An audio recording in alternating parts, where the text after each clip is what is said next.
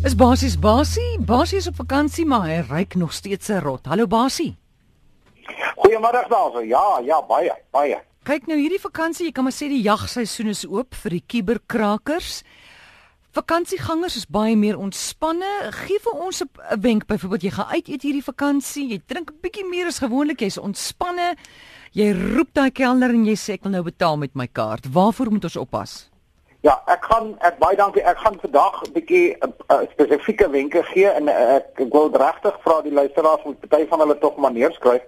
Baie van hulle mag verskriklik van selfspreekend klink, maar soos jy sê, mense is ontspanne.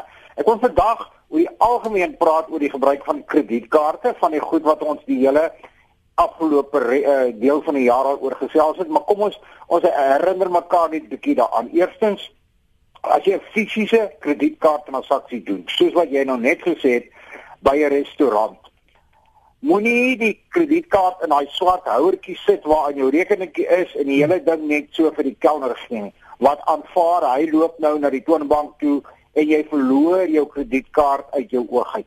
Dis punt 1 baie belangrik. Hou altyd jou oog op jou kredietkaart. Laat daai persoon vir daai kredietkaart masjienkie doen dat hy daar voor jou staan om indruk en jy hou jou oog op hom gee hom terug. Dieselfde wanneer jy brandstof ingooi by 'n motorhawe.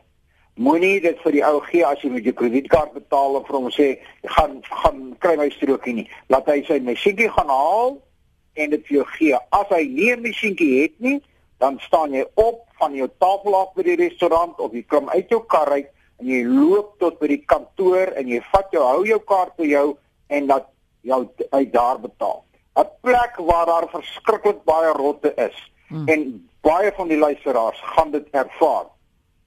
Baie mense kompromiteer hulle kredietkaarte grootliks wanneer hulle by tolhekke met hulle kredietkaart betaal want ongelukkig as jy hmm. by 'n tolhek stop of jy nou Durban toe ry en waar jy ook al ry, ons praat nie van hierdie saakse onaanvaarbare stelsel tussen Johannesburg en Pretoria nie, maar 'n normale oudtydse tolhek. Baie mense betaal nie met kontant nie want jy kan met jou kredietkaart betaal.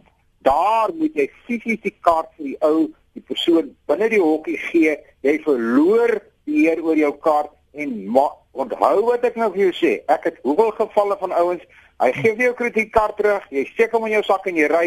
As jy by die huis kom of vir die tol volgende tol, ek dan vind jy hy het vir jou 'n verkeerde kredietkaart teruggegee, hy jou kredietkaart gehou jo. of hy jou kredietkaart gekopieer.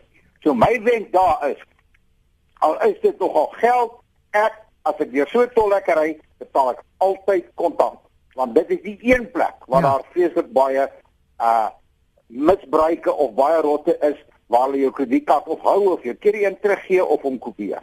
En daai CCV nommers om dit moeiliker te maak vir die kinderkraak. Daai CCV nommers, ek gaan nou daarby uitkom. So hierdie is die uh wanneer jy jou kredietkaart fisies gebruik. Nou Eerstens as jy hom dus fisies gebruik by die restaurant, by die ja. by die winkel of by die supermark of waar ook al, uh gebruik jy nooit daai CCV nommer nie want jy het fisies die kaart by jou, die die kelner of die kassier kan sien jy is in besit van die kaart. Dit werk reg. Onthou ook ons laaste storie hier, as hulle vir jou 'n strokie gee, jy hoef nie die strokie te teken nie, maar moenie met die kassier of die petroljoggie beklei nie. Vat die strokie, maak 'n kruisie op hom en gee hom vir hom terug. OK.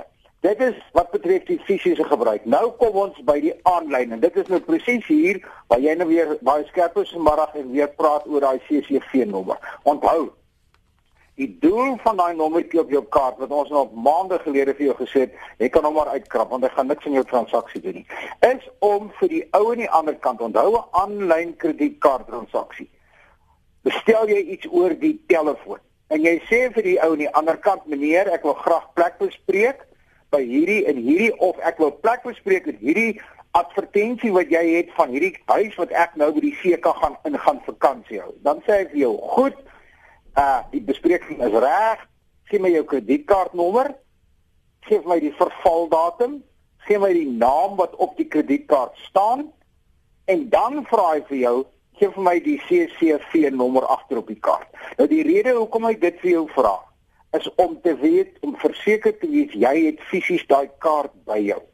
Want jy kan as ek na jou as ek jou kredietkaart leen en uh of ek kyk oor jou skouer, ek kan jou nommer en die nommer kry jy op baie plekke. Baie van ons kry 'n strokie met jou kredietkaartnommer, jy gooi hom in die blik. Dis om verseker te wees die ou aan die ander kant van die lyn wil weet die, die persoon wat hierdie bespreking maak, het hy regtig daai kaart in sy besit. Nou onthou het ons gesê as jy daai nommertjie uitwis hmm. en jy onthou hom, dan gaan jy altyd jou bespreking kan doen want jy gaan weet wat die nommertjie is. As iemand gedurende die vakansieseisoen jou beursie steel en jy nie daai nommertjie uitgewis nie, dan gaan hy jou kredietkaart kan vat en hy kan enigiets daarmee gaan doen. Hy kan enige aanlyn transaksie doen, want hy kan vir die ou die nommer gee, staan op die kaart, vervaldatum staan op die kaart, 'n naam staan op die kaart en hy nommertjie staan agterop.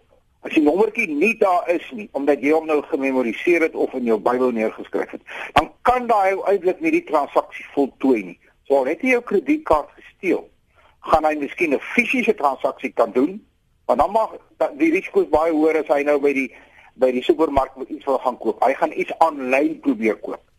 Uh deur 'n telefoontransaksie en dan is daai nommer verskriklik belangrik. Basie, kom ons kom ons beweeg aan ja. na die rekenaar en antivirusprogramme. Lise wil weet hierso, kan jy 'n antivirusprogram ook op jou selfoon aflaai? Absoluut. Absoluut. Gaan kyk, gaan kyk by die webwerf van die Sentrum vir Kubersekuriteit van die Universiteit van Johannesburg. Gaan kyk www.cybersecurity.org.za. Daar uit die plaas in Candice nou, ons weet dame, ons weet wetmeester het vir baie van die goed wat ons oor gesels het, het sy daar 'n plasing gaan doen. Gaan kyk by daai webwerf. Daar is 'n hele stuk oor watter antivirusprogrammetjies kan jy verniet gaan aflaai en op jou selfoon gaan laai. Gaan lees daar, die agtergrond is daar. Sy self vir verlede week. Onthou jy ons het gepraat oor gijselware? Ja. Sy daar 'n plasing gaan doen. Gaan kyk www.cybersecurity.org.za. Gaan kyk wat sê hulle oor 'n gijselware man. Dit moet jy ook baie versigtig voor wees. Goed, ons nommer in die ateljee 0891104553 as jy vir Basie 'n vraag wil vra. Basie, iemand vra hier per SMS, hulle wil weet of selfoongesprekke afgeluister kan word en hoe doen mens dit? O, oh, skits, dalk mag ons dit nie sê nie, né? O, dis dis 'n sensitiewe saak. Ja. Uh, die die vraag is kan selfoongesprekke afgeluister word? Kom ons begin deur te sê oor die algemeen is elke selfoongesprek wat jy maak is geenkripteer. Onthou ons het verlede keer gepraat van skommel ja. met 'n sleutel, so jou gesprek in beginsel is geenkripteer. Maar daar's 'n wetgewing, 'n wet in Suid-Afrika wat verseker dat jou diensverskaffer, met ander woorde, jou selfoonmaatskappy dat wanneer die staat of 'n polisieagent of 'n regter dat daai persoon dat daai uh, agentskap toe kom of na daai diensverskaffer of vir hom sê hoorie ek ehm um, ek wil aan Boris se telefoonnommer uh onkrip ek wil luister wat sy sê want ek dink ek vermoed daar's 'n rot iewers. Dan moet hulle daai gesprek van jou wat onthou hulle maak 'n kopie van daai gesprek. Dan moet hulle daai geënkripteerde gesprek vir die betrokke wetstoepassingsbeampte in skoon teks teruggee. So die staat het die reg volgens wetgewing om dit te doen. Kan 'n gewone ou in die strate doen?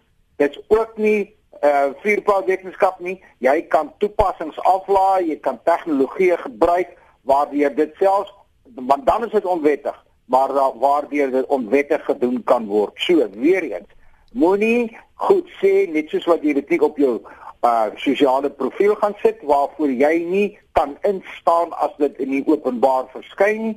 Jy's ook maar versigtig wat jy sê oor jou selfoon hm. want daar is baie gevalle van mense wat hulle vrouens laat afluister het of vrouens wat hulle mans laat afluister het en daar is slim mense wat sulke goed kan doen. So die oh. antwoord is ja. Basie sê gou vinnig terwyl sien nou maar iemand luister my af nê. Nee. Hulle het nou al daai katoeters en dinge afgelaai. Daar's geen manier wat wat ek terwyl ek praat kan agterkom iemand luister my af nie. Ja. Ja, baie keer mag jy mag jy dit agterkom met byvoorbeeld as jy op 'n gewone landlyn praat op 'n telkomlyn en nog iemand skakel dan baie keer mag jy so piep dan kan jy ja. hoor hier's nog 'n ou wat jou nommer geskakel het. Maar uh, uh moenie daarop reken nie. Die goed is so gesofistikeerd dat hulle dit net eenvoudig jy geen manier gaan dit agterkom jy gaan gewoon jou gesprek voer en jy gaan nie weet dit gebeur nie wie dit nou ook al is en onthou ja. dit kan ook net wees dat daai gesprek opgeneem word deur deur die uh, kuberkraker deur uh, kuberkraker en dan gaan hy vat hy hom vanaand huis toe en by die huis gaan gaan luister hy wat daar gebeur het en dan is jy nie meer daar nie so dan gaan jy in elk geval nie agterkom ja. Basie baie dankie En ek gaan volgende week weer met jou praat en ja. Volgende week gaan ons verder met ons lysie. Dan gaan ons weer kyk na die ek wil terugkom na die aanlyn transaksie toe en ek wil ook net ten slotte vir die mense sê weer eens. Ons het verlede week daaroor gepraat. Baie van julle gaan plek bespreek by die see. Daar's 'n goeie aanbieding hierdie huis, hierdie vier slaapkamerhuis gaan ek kry. Dis presies wat ek soek en hy is in die tyd wat ek soek. Wees baie versigtig. Maak seker dat dit nie 'n volkwerk is waarin jy nou hou oor kop jou inligting gaan verskaf, jou kredietkaart inligting gaan verskaf en dan klim jy in jou kar en jy ry see toe en jy kom daar aan dan bestaan daai plek nie eers nie. Daar's baie sulke gevalle. Ons gaan volgende week bietjie daaroor uitbrei. Goed, dankie Basie.